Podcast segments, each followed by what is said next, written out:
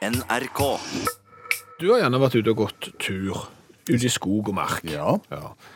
Og så har du kommet til et gjerde, og- og så har du gått over det gjerdet ved hjelp av en sånn en gjerdeklyver. En sånn slags eh, gardintrapp over gjerdet, på en måte. Ja. ja. Og så kommer du ned da på andre sida av gjerdet, og, og det er jo der buskapen holder til. Ja. Kuer, eh, eller sågar sau. Beiteområde. Ja, og, og hvis du da har kommet til sauen, hvordan opplever du det når du kommer over gjerdeklyveren og kommer inn til sauen? Da er det gjerne sånn at du begynner å nærme deg sauen. Ja. Eh, Da blir sauen oppmerksom på deg. Så stopper han helt opp, og så ser han på deg Ja. med eh, jeg vil si et tomt blikk. Tomt blikk, ja. Ja. ja. Det er litt vanskelig å vite om det er tomt eller interessert, men jeg er enig i det. Et blikk. Ja, et blikk. Står stilt. Og så tenker du eh, kanskje kan gå enda litt nærmere og få klapt litt på sauen. Ja. Han ser jo hyggelig ut. Ja. Så går du litt nærmere, men da tenker sauen nei. Nå har jeg kommet for nær. Mhm. Nå er jeg innenfor en eller annen intimsfære, så da stikker han. Og hvis én sau stikker, så stikker de andre òg. ja. Fellesstikking. Ja, ja. Bjelleklanging, vekk med oss. Nei, Det er akkurat mitt inntrykk òg. At først så står de og ser på deg, er litt sånn lurer på hva som kommer der. Eh, Så nærmer du deg, og, og i det øyeblikket du passerer intimgrensa, som kan være 15 meter vekke, Ja. så er det ikke til skogs, men til marks. Vekk med oss. Ve- Vekk med oss. Altså Grunnen til at jeg tar det opp, er fordi at i helga har jeg kjørt to ganger over eh, mellom Brokke og Suleskar. Ja, nå må si, nå må du huske å si suleskar og ikke si skolestart. Altså Hvis du tenker at veien går mellom brokk og skolestart, så er det veldig fort gjort hvis du blir litt fokusert på det, at du sier feil, så husk at det ikke er det. Ja, Men jeg har kjørt to ganger da mellom Brokke og skole. Brokke og Suleskar. Ja. Ja. Og det, det er jo sånn nærmere 1000 meter over havet, og akkurat der nå er jo mange sauer samla, for det er snart slutt på sommerbeite, og de skal hjem. Yes. Og da slår det meg jo at når jeg da kjører bil over denne høyfjellsovergangen her, Ja, mellom Brokke og, suleskar. Brokke og Suleskar, ja, så oppfører sauene seg på en helt annen måte enn hvis jeg kommer inn til de over gjerdeklyveren. Ok, når du kommer i bil, så Så bare står de der, og så ser de på meg med akkurat det samme, enten tomme blikket eller det, det interesserte blikket. Jeg vet ikke hva blikk det er. De står der og så kikker. midt i veibanen. Ja, midt i veibanen, og du kommer i fulle, fulle fart, gjerne 80 km i timen, med et følge av tyske turister og en bobil på slep. Ja. Og så ser sauen der, ja, der kommer det en bil. Ja. Ja, Den kommer i veldig fulle, fulle, fulle fart. Jeg tror jeg står. Å ja. Selv om du kommer nærmer deg en time. Ja, ja, og så begynner du med å bremse, og så kjører du helt inntil sauen, og sauen har det samme tomme blikket, du er gjerne en halvmeter fra sauen, sauen ser på deg og tenker, vet du hva, det der er veldig mye metall eh, samlet på en plass. Jeg tror jeg står. Jeg har hele heia her, jeg kan beite, men jeg tror jeg står. Å ja, nå kommer tre unger, de skal, de skal jeg ta og gi melk nå, de ammer jeg. Ja. Dette er ikke amming når det er sau, men du, du skjønner. Ja. Og de bare står. Ja. De er totalt fryktløse overfor bil. Men jeg er jo sikker på at hvis jeg hadde gått ut da, og prøvd å klappe dem, da hadde de stukket til heis. Så hva er det med sau? Nå er det sikkert en eller annen sauebonde som kommer til å arrestere oss for manglende sauekunnskap. Men Ja, fordi at en, en, ja, en kan jo ikke si dette her at en blir vant med bilene heller, og derfor så tenker en at da er det ikke farlig. For en skulle jo tro at han blir vant med mennesker også, på samme måte. altså, hvis du som sau har hekka hekka. Nei, beita heter det. Ja. Ja. Godt å beite på et sånn et utmarksområde som er tett trafikkert av folk som skal gå tur, så blir du jo vant med de. På samme måte, ja. Men det virker jo ikke sånn. Det er liksom det er lettere å bli vant med tyske bobiler og, og, og Mercedeser og BMW-er som kjører i full full fart over en fjellovergang, enn det er å bli vant med folk. Jeg syns det er rart. Kanskje det er en punktmarkering? At de, de setter foten ned, rett og slett, for å, få- for å få satt ned farten? Ja, Da tror jeg rett og slett at da må, må, da må sauene etter denne pumpmarkeringa synes synd på en kompis. For det var jo en da som tydeligvis hadde punktmarkert litt mye. Da. Og, og punktmarkert litt for lenge, for, for den lå i veikanten og var da tydelig påkjørt. Så, så det var jo litt synd. Men det er interessante spørsmål, dette her. Hvorfor en redd for folk, men ikke for bil? Ja, så er det noen som har eh, sauer på beite og, og har greie på sau, så send oss gjerne et svar på SMS til 1987 og start meldingen med utakt. Kunne du ha tenkt deg å montert eh, blomsterkasse, fått opp gardiner eh, og eventuelt øyenvipper over lyktene på bilen din? Koseliggjort bilen min, på en Ja, måte. ja. Eh, jeg tenker svart SUV med, med, med sånn øyenvipper og blomsterkasse. Ja, litt rutete gardiner og Han kler det ikke. Nei? Bilen min kler det ikke. Nei. Nei. Dessuten er det ingen som gjør sånt lenger. Nei, det er jo nettopp det. Altså, Hvor er det blitt av koseliggjøring av bil? Det var veldig populært før. Ja, det er iallfall hos noen merker. Det, det å ha blomsterkasse bak på en Citroën 2 CV, det var jo nesten standardutstyr, kunne det virke som, som en stund. Og hadde du ei folkevogn, så skulle du ha øyenvipper på den. Det var sågar en sånn trekkopp. Hvis du ser for deg en sånn gammel sånn trekkoppmekanisme, det kunne du kjøpe en sånn sugekopp, så du satte bak på motorlokket på folkevogna, så så ut som det var en sånn trekkoppbil. Supplere gjerne med gardiner, så, så, så hadde du liksom koselig gjort bilen din. Ja. Og det hadde jo sine fordeler, vil jo jeg si, å koseliggjøre bilen. Ja, ja, ja. Fordi at med koselige bil, så hadde du plutselig helt andre rettigheter i trafikken. Du, du kan være mye dårligere sjåfør hvis du har en koselig bil. Det er ingen som, som vil reagere hvis du kommer med blomsterkasse bak, rutete gardiner og øyenvipper på lysene dine i en bil og ikke vet helt hvordan du skal komme deg inn på motorveien, f.eks. Da vil ingen reagere. Nei, det er bare koselig at du sliter litt. Ja, Kommer du da med en svart BMW og gjør akkurat det samme, nei, da blir det oppstyr. Ja, ja, ja. Ja. For en løk.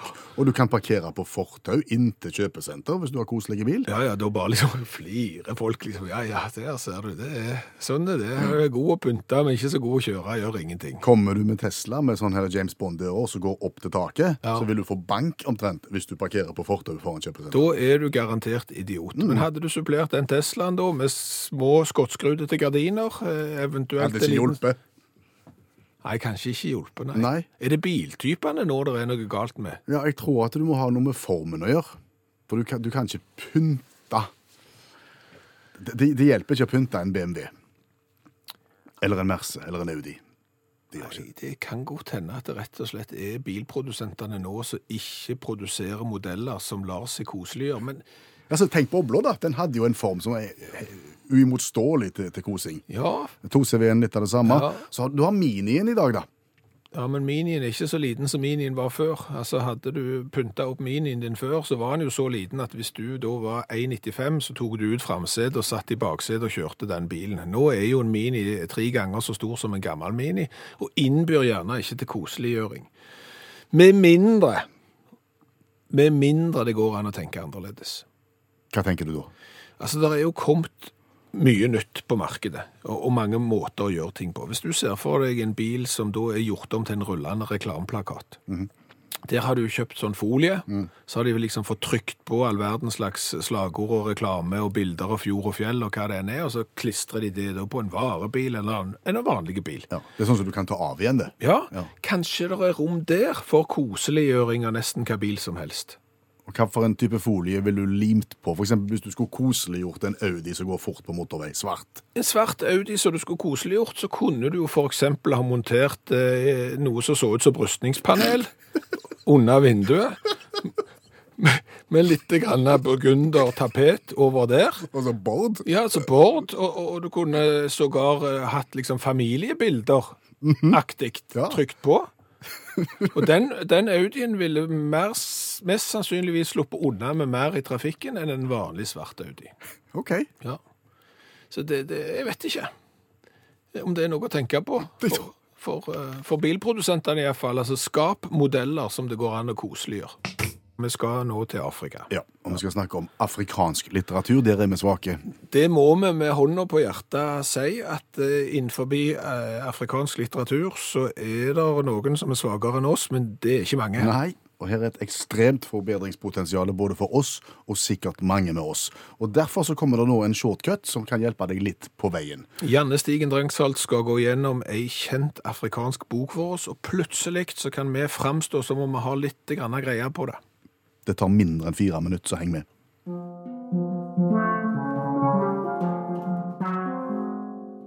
En halv gul sol fra 2007 av Chimamanda Ngozi Adichie.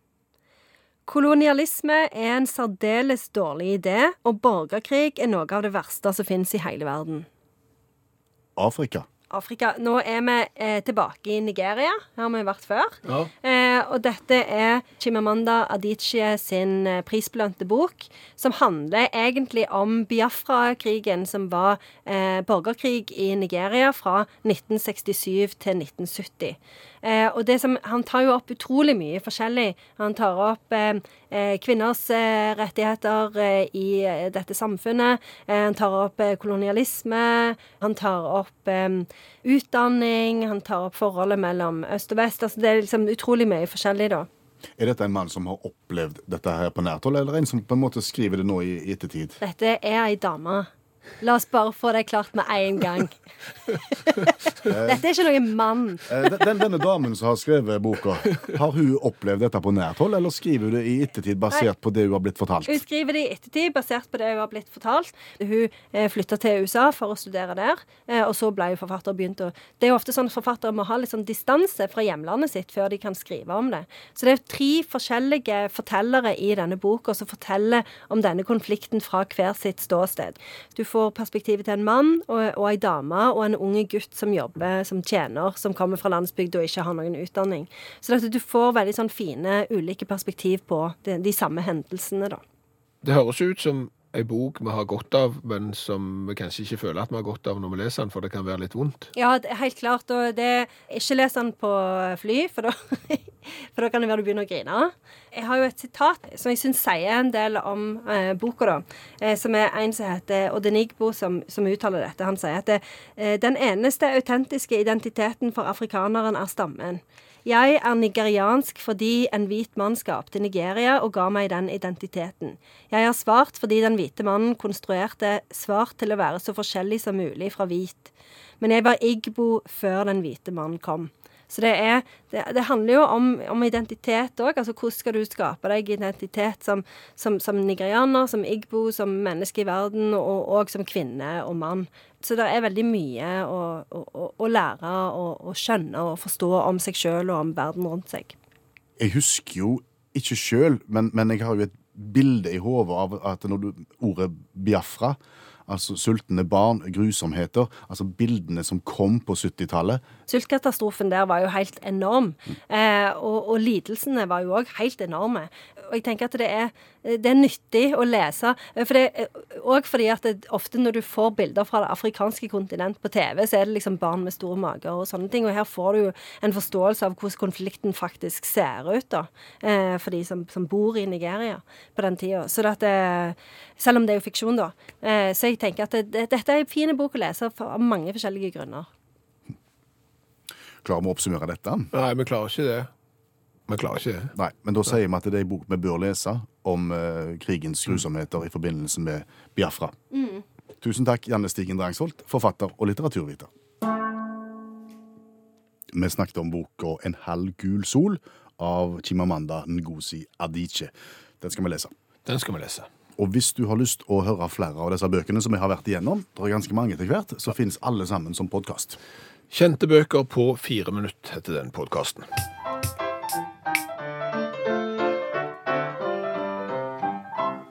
Og der kom den igjen. Ja. Den gjør gjerne det på denne tida i programmet hver dag. Ja, det er for så vidt bare å beklage, men det går fort over. Det er da dagens revyvise på 27 sekunder som skal synge, som jeg skal synge i dag, om en aktuell sak fra et eller annet sted i verden. Mm. Og vi er jo gjerne i Kina, og det skal vi i dag også. Vi skal til Kina, ja. Vi skal til Kina, ja. Til Chen, kineseren Chen, okay. som har slitt, men som nå plutselig har fått det veldig mye bedre. Hør på dette.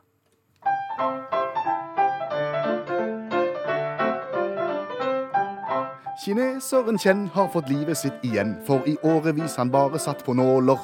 Hva jeg mener med det, jo nå skal du høre det, det er ufattelig hva noen av oss tåler.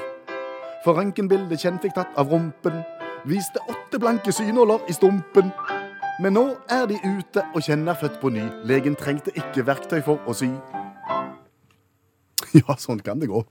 Åtte synåler i stumpen? I, inni skalken, for å si det sånn, ja. Å ja, i, i, i, flesket, liksom? I, mm. OK. Mm. For ti år siden Aha. så var Kjenn ute og gikk. Og på en eller annen måte, det står ikke noe om hvordan, men han klarte altså da å ramle opp i en stor haug med boss og ting som folk hadde kasta fra seg.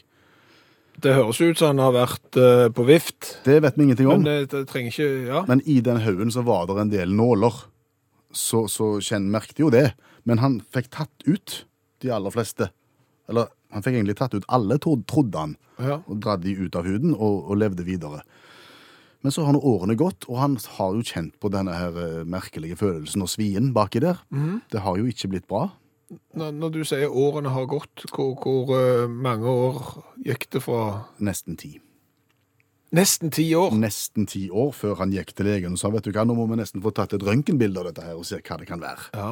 Og på røntgenbildet åtte nåler som står, står inni der.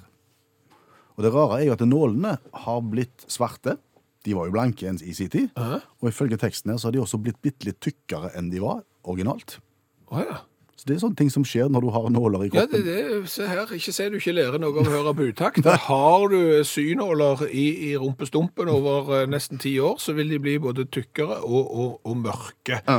Men, men var det sånn at eh, når da legen fant ut at eh, hei, Chen, du har rumpa full av synåler, så var det sånn at Chen Å ja, selvfølgelig, fordi at så, Ja, så Det begynte jo å demre litt for han selvfølgelig, men han var jo mest glad for at legen opererte de ut. Ja. Det tok fire timer, operasjonen, okay. så var alle åtte ute. Ja. Og som jeg synger i sangen, han trengte ikke verktøy for å sy, syns den var litt god. Ja, det, du, du er jo en, En rimsmed. Du er en ordsmed Ja. Okay. ordkunstner. Har du sett uh, tannkremreklame på, på TV? Mange ganger. Ja. Har du lagt merke til at det det er iallfall mitt inntrykk av at eh, hver eneste gang det er tannkremreklame på TV, så er han anbefalt av ni av ti. Nettopp. Ja. ja. Ni av ti anbefaler den tannkremen. der.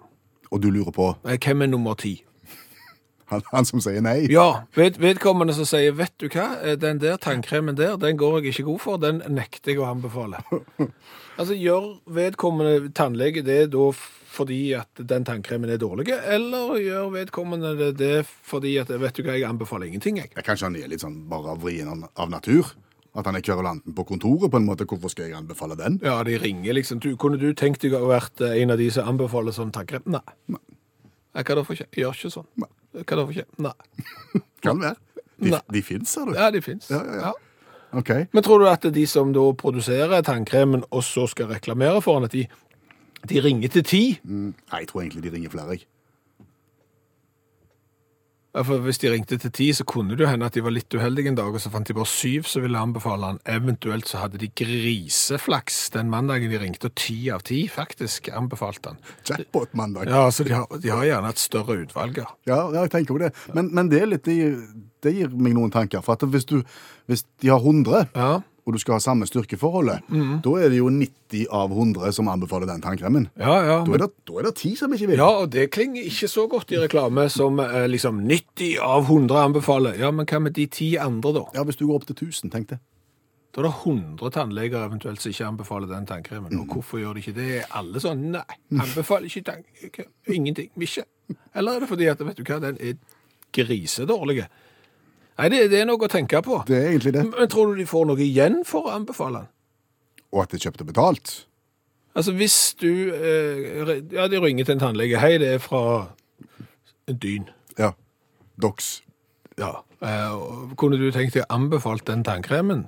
Så sier de, ja, hva får jeg igjen for det? Hva får de igjen for det? Kanskje årsforbruk av tannkrem. Jeg vet ikke. Årsforbruk av det, ja. Kanskje de får sånne, der, sånne små beskyttere som du kan ha på tannkosten når du er ute og reiser. Kanskje de får sånn slikkepinne som de egentlig har lyst til å gi til ungene når de har vært snille og går all, hos tannlegen aller første gang. Eller en sånn intetsigende plastikkfigur som vi fikk, hvis vi var flinke til å grape opp. Som takk for at du anbefalte tannkremen vår, skal du nå få en liten plastikk. Jeg klarer ikke helt slipp på å snakke om tannkrem. Nei. Ni av ti tannleger anbefaler. Hvem er den tiende? Det Ja. spørsmålet har vi relevert vært, igjennom. Ja, eh, vi ga ikke noe godt svar da. Nei. Men det som jeg har lurt litt på, Mm. eh, og det er i fullt alvor, om tannkrem ikke tåler lys. Hvorfor lurer du på om tannkremen ikke tåler lys? Fordi at jeg kan jo ikke se gjennom tannkremtuben. Nei. Du, De er jo ikke gjennomsiktige. Eh, Og dermed så kan jo jeg aldri se hvor mye tannkrem som er igjen i tuben, og jeg kan heller ikke se hvor den tannkremen som er igjen i tuben, hvor den faktisk er. Hvor du skulle trykke på tuber for å få den ut. på Ja, når jeg liksom skal skrape ut og få med meg det siste for å, å få ut et par tannpuss til, hvor er faktisk den tannkremen i tuben? Det vet jeg jo ikke. Nei, og du vet heller ikke hvilken farge tannkremen har. For noen av de er jo hvite, Ja. noen er blå, Ja. noen er som går sånn sølvfarga med litt sånne bobler i seg. Ja. Men det vet jeg jo når han kommer ut. Det gjør du. Ja, Så da får jeg jo avslørt det, så da var jo ikke det så spennende. Nei, lenger. nei, men jeg syns jo gjerne at det å vite hvordan den ser ut, kan være med å velge eh, Bestemme hvilken du velger i butikken òg. Ja, ja. Nei, men, men er det sånn at tannkrem ikke tåler lys? Eh, Fordi at det, det er jo en del andre tuber der du heller ikke får se hvor mye som er igjen. Altså, Ketsjupflaska er jo et godt eksempel på det. Du klarer ikke se hvor den ketchupen Ja, bortsett fra én. Finnes det en? Ja, Heinz har. Heinz, ja. Ja. ja. Men det er jo sånn en flaske du får jo aldri ut det. Nei. Nei. Eh, Så der, der falt det argumentet. Ja, men, men vanlig ketsjup, den som flest Ja, den husholdningsketsjupen. Ja, jeg, jeg reformulerer meg og kommer nå med et nytt innlegg i debatten. Kom an. Vet du hva som har irritert meg? Nei. Nesespray. Ja, for der kan du se. Den er ikke helt gjennomsiktig, men den er sånn hvit, sånn at du kan se at det er nesespray igjen i nesesprayen, men du får aldri tak i den. Og det er jo særdeles provoserende, for du har betalt i dyre dommer for den nesesprayen, og så er det, noe, så er det litt igjen i bånn som du aldri får tak i, fordi at du faktisk er i stand til å se at det er noe igjen. Da kunne den like, like godt vært ugjennomsiktig. Ja, så hadde ikke vi blitt så sure. Det er kanskje det tannkremtubeprodusentene tenker, at hvis vi ikke får se hvor mye tannkrem som faktisk er igjen i tuben, så blir vi ikke i så dårlig humør som vi hadde blitt hvis vi hadde sett det. Det er en plausibel forklaring. Ja. Ok, men kjære Pepsodent, Solidox, uh, Colgate, om du hører på uttak nå, Ja. prøv en runde. La oss nå få se Ja. noen tannkremtuber gjennomsiktige. Dersom ikke det er sånn at tannkremen eh, ikke bør bli utsatt for sollys. Ja. Men hvis du lurer på hvor mye tannkrem det er i ei helt vanlig tube, så har jo vi gjort den jobben tidligere. Ja. Husker du hva vi fant ut Cirka 2 meter og 20 centimeter. med tannkrem? Ja. Hvor mye, mange puss er det, tro? Nei, da regnet vel med to centimeter per puss. Eh, Så, så en 110-112 eh, puss eh, per tube kom vel vi fram til. Men hadde vi hatt gjennomsiktige tuber, så hadde vi kanskje fått ut enda mer tannkrem, og da hadde det vært enda flere puss igjen. Hva har vi lært i dag? Ja, det, det er fragmentert. er det det? Ja, vi, vi har lært mye, men, men det spriker litt. For vi har jo etterlyst en logikk hos sauer. For vår erfaring er at hvis vi klatrer over gjerdet og inn til sauene ute på marken, Så stikker gjerne sauene av Ja. når vi kommer nær nok. stemmer, og hvis vi er ute og kjører bil på en norsk fjellovergang der sauene er på sommerbeite, så sverger de jo på å stå helt i ro midt i veien, og ikke vil, de vil ikke flytte seg en centimeter. Ikke redde bil, men redde folk. Ja. Hvor er logikken? Nei, hvor er logikken? Da kan jo Ola fortelle det, Ola på Oppdal, at hjortevilt de oppfører seg litt likt som sau. Ja vel. Redd, redd folk, eh, ikke redd bil. Nei. Eh, mens Anne kjørte den samme strekningen som jeg kjørte, men i motsetning til meg så stoppte de og gikk ut for å spise nista. Hva gjorde sauen da? Da var sauen så tam at han gikk jo både inn i bil og satt rundt de som satt og spiste, og som i tillegg hadde fem hunder. Så da er jo spørsmålet, er det sånn at sauen da, når han er på fjellbeite, føler seg så trygg og avslappa, og ikke tenker at han skal bli fårikål, at han plutselig kan inngå en menneskelig relasjon. Men i det øyeblikket han liksom kommer litt nærmere fjøset hjemme, eh, gården hjemme, så er panikken der. Da vet han at det er bare et spørsmål om tid før eh, tida er ute. Takk for i dag, eh, og jeg er vekke. Vi vet ikke. Nei. Nei. Vi har vel òg fått eh, en melding fra en som har vært i Krügerparken i Sør-Afrika, og ikke sett på sau. Nei, gjerne på, gjerne på løver og, og ting som er enda større. Ja, og, og da fortalte guiden i Krügerparken at løven så ikke menneskene når de satt inne i bilen. Nei. Men i det øyeblikket du forlot bilen, eh, så var du frokost. Yes, så ikke gjør det. Nei. Men jeg vet ikke om det er overførbart til sau. Nei, det er ikke godt å si. Men takk til Tor som har vært i Krügerparken. Ja. Eh, Så er vi kommet til at vi har lært det at koseliggjøring av bil er blitt mer og mer sjelden. Mm, før så hadde du to CV-er, du hadde folkevognboble, Mini. De ble gjort ting med, det ble satt blomsterkasse på de, tegnet øyenvipper osv. Koseliggjort. Mm. Helt slutt på. Skyldes det formen på de nye bilene, eller skyldes det bare at det ikke er populært lenger? Ja, Det vet vi ikke. Men vi har da fått et bilde av en koseliggjort 2CV som vi har lagt ut på Facebook-gruppa til Utakt, og, og den tråden kan du jo fylle opp hvis du eventuelt har koseliggjort Mercedesen din med brystningspanel og, og burgundertapet, eh, hva vet vi, men der er det da en mulighet. Så har vi lært det, at hvis du har en nål Ja, sittende fast inni rumpeskalken din i ti år, sånn som Chen i eh, Kina hadde. Han, han hadde åtte. ja, så vil nålen bli svart og tykkere enn han var. Jeg vet ikke hva han har fanget opp den der nålen da, når han har vært eh, inni rumpa og blitt tykkere, men det, det har han blitt, og det lærte vi. Det vi ikke har lært, det er når ni av ti tannleger anbefaler en tannkrem, så har vi ikke lært hvem er nummer ti. Hør flere podkaster på nrk.no podkast.